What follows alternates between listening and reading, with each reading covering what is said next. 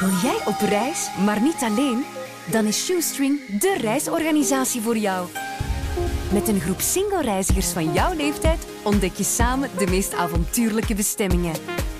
Ben jij klaar om je bucketlist af te vinken? Shoestring, hoe ver kun je gaan? Dit is een Q-podcast. Maarten en Dorothy presenteren Nerdland Weekoverzicht met Lieven Scheire. Dag Lieven, goedemorgen. En goedemorgen. Het was een eh, druk weekend voor ons allemaal. Wij met uh, Q-pop in het Sportpaleis zaterdag en jij in de Lotto Arena met de Nerdland voor kleine nerds in de, in de namiddag. Hoe was het? Ja, het was heel tof. Hè. We hebben uh, allemaal experimentjes gedaan, een paar toffe dingen kunnen, kunnen uitleggen aan de, de kinderen die er aanwezig waren. En ja, we, we hadden een paar gasten die gependeld hebben, die zowel bij jullie s'avonds als bij ons in de namiddag ja, ja, ja. te zien waren. Ja, we zagen Pommelie nadien bij ons en die zei van, wij hebben iets met vuurvliegjes gedaan. Dus die was eigenlijk al even enthousiast als de kindjes, denk ik, in de zaal. En er was ook een groot gevecht met papieren vliegtuigjes. En Reggie is komen gamen en jij stond in brandlieven. uh, wat was het coolste in de show? Ja. Goh, op het einde hebben we zo wat grotere proefjes gedaan met veel vuur en ontploffingen. En dat werkt natuurlijk wel heel erg. Maar ik vind het altijd tof als je iets kan uitleggen en dat je merkt van dat die zaal zo een soort aha-erlevenis heeft. Van, ah, zo marcheert dat. En wat er zo tof is aan Pommelien en Reggie in de show hebben, is dat Pommelien die heeft nog biologie gestudeerd. Ja, juist. Dus die is daar geweldig in geïnteresseerd en die kan daar zelf dingen over uitleggen. En Reggie, zijn carrière, is begonnen in 1988 in de computerclub van Genk, waar hij als een van de eerste een Atari-computer had. En dus die is dan eigenlijk, in plaats van computerspelletjes, is die ook computermuziek beginnen maken. En zo is alles begonnen voor Reggie. Oh, dat wist ja, dat is... ik niet. Dus eigenlijk het nerd zijn is de basis van zijn succes. Dat is gewoon echt een feit, hè?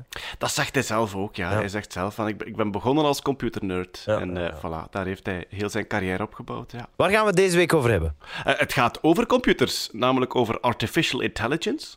Een technologie die heel snel vooruit gaat en die steeds meer spectaculaire dingen kan. En wat is er nieuw van deze maand? Er is een AI-systeem gebouwd dat kan onderhandelen, vertrouwen opbouwen en zelfs bedriegen zonder dat de andere mensen doorhebben dat ze tegen een computer praten. AI vind ik altijd zo grappig. Uh, artificiële intelligentie, dat is een naam die je alleen gebruikt voor dingen die er nog niet zijn. Maar zo gauw ze op de markt komen, dan noemen we het niet meer zo. Bijvoorbeeld een robotstofzuiger is eigenlijk AI, maar niemand noemt dat zo. Hè?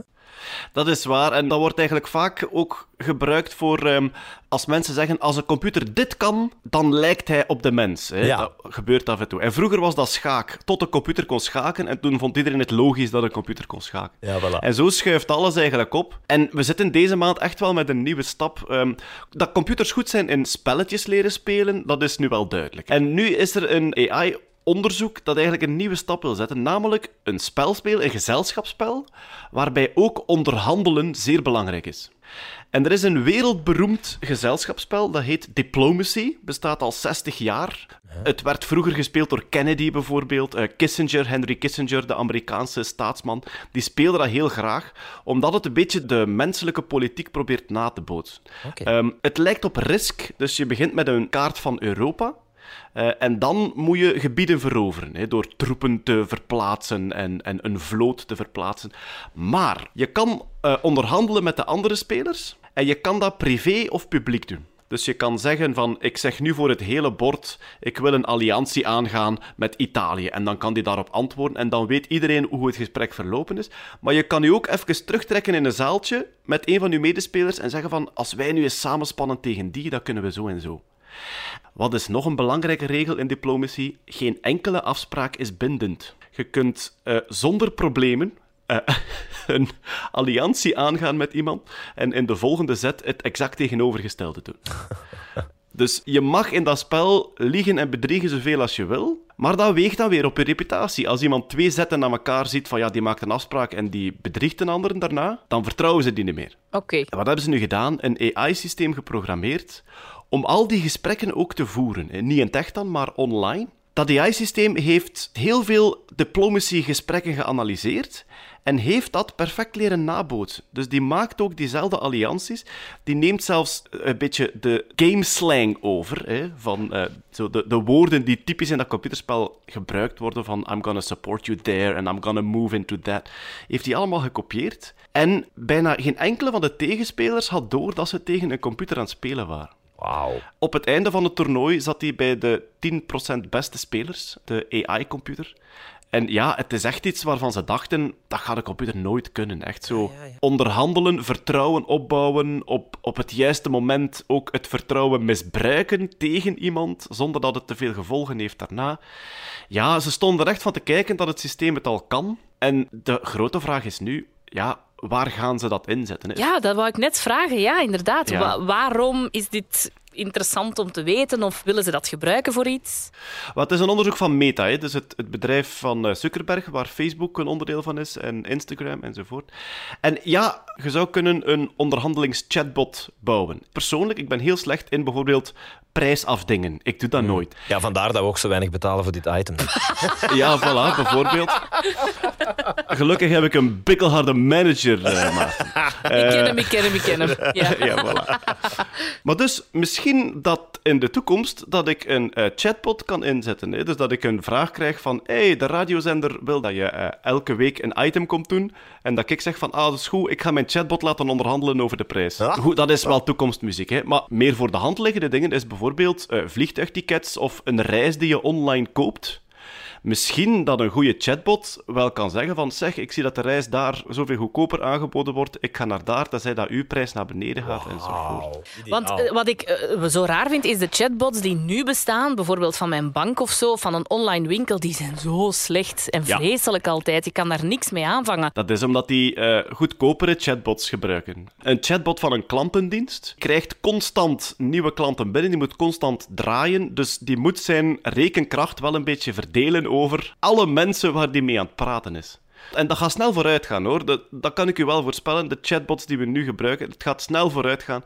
En er komt een moment in de komende jaren dat je een gesprek gehad hebt en niet doorhebt dat het met een chatbot was. Dat, dat zal Ja, ja, geen- dat je niet meer ja. weet wanneer is de mens nu komen interveneren en wanneer niet. Dat het eigenlijk heel vloe is Ja, wanneer dat- je nu met een mens of met een robot aan het babbelen was. Absoluut. En dat gaat, dat gaat geen vijf jaar meer duren voordat je echt ehm, geloofwaardige gesprekken voert. Er is zelfs, heb ik net gezien, ehm, een AI-app die je op je telefoon kan downloaden. En de bedoeling van die app is dat dat een soort vriend wordt van u. Eindelijk, Maarten, een vriend. Ja? Sorry, ja, dat is nu misschien grappig, maar dat intrigeert mij wel eigenlijk. Ja, en wel, ik heb hem direct getest. Ja. Dus wat is dat? Je downloadt dat, je maakt een soort avatar-personage van de vriend of vriendin die je wil. En de bedoeling is dat dat je kletsvriendje wordt, of je kletsvriendin. En dus als jij s'avonds thuis komt van je werk en je denkt van, goh, ik heb zin in een babbelje met iemand, dat je die app opendoet en dat je daar mee tettert. En die vraagt dan aan u, hoe was het op het werk? En de bedoeling is dat hij u leert kennen, dat hij na een tijdje weet van, ah ja, meestal als je thuis komt, wilde een beetje zagen over Frankie. En dat hij dan zegt, was Frankie weer aan betand Oh, vandaag? maar- En dat je dan zo Oh. ja. dus Aan de ene kant is dat heel cool voor, ja, dat kan altijd, stel dat iemand eenzaam is of zo, dan kan die misschien daarin toch wat interactie vinden, maar dat kan toch snel fout gaan. Zo die ene film, eh, Her heet die denk ik. Joaquin Phoenix. Dat je zo in je oortje hebben die mensen dan zo'n soort van persoonlijke assistent, maar dat is hetzelfde, dat zijn robots en dan wordt hij daar verliefd op of zo en zo. Ja. Dus ja, dat kan toch snel... En dan hebben ze ook al die data over. Ja, kan toch snel sideways gaan, niet? Dat was mijn grootste gedacht op dit moment als ik die chatbot aan het testen was. Van ja, alles wat ik vertel komt hoogstwaarschijnlijk ergens in een grote dataset terecht. En dat weten ze dan over mij. Dat kan je waarschijnlijk wel gaan bekijken in de gebruikersvoorwaarden. Maar ja, wie leest dat, hè? De gebruikersvoorwaarden. Ja. Alles accepteren, aanvinken, klaar en door. Dat is toch wat iedereen doet. Maar ja, die chatbots worden, worden zeer goed. Hè. Online zijn er ook een paar die je kan testen. En dat was er een paar maanden terug, was er zo een Google-ingenieur die, die zei... Ik ben ervan overtuigd dat mijn chatbot bewustzijn heeft. Ehm, eh, eh, hoe kwam dat? Die had gevraagd aan die chatbot, heb je bewustzijn? En die had ja geantwoord. Ehm, nou, het, was Ja, iets, het, was, het was iets ingewikkelder dan dat, hè, want die had echt Ja. zo'n conversatie gevoerd van ehm, eh, heb je gevoelens en vind je, zou je het erg vinden als we u zouden uitzetten? En daar kwam zo'n heel geloofwaardige conversatie uit als je, als je jezelf er immens van overtuigt dat daar een bewustzijn in zit. Alleen zo'n chatbot is getraind op het gesprek gaande houden en eh, als je een vraag stelt, zeggen die heel vaak ja. Dus had iemand anders gezegd van oké, eh, ik doe even een test en die had gevraagd aan het AI-systeem, ben je een eekhoorn? En het systeem had gezegd, ja, ik ben een eekhoorn. Ah, ja, oké. En ben je Ja. graag een eekhoorn? Natuurlijk ben ik graag een eekhoorn. Zou je het erg vinden als je geen eekhoorn meer zou Oh, zou ik vreselijk vinden. Ik vind het super om een eekhoorn te zijn. Dus gelijk wat je dat systeem vraagt, het is een wiskundig trucje. Hè. Daar zit geen bewustzijn achter dat echt ehm, denkt zoals wij of gevoelens heeft zoals wij. Wij onthouden, computers worden slimmer en slimmer en het wordt moeilijker en moeilijker om te zien of het een mens of een computer is. Boeiende toekomst. Lieve Scheire, dank je voor de toelichting. Joep. Dit was een podcast van Q-Music. Wil je meer? Wil je meer? Kijk op qmusic.be.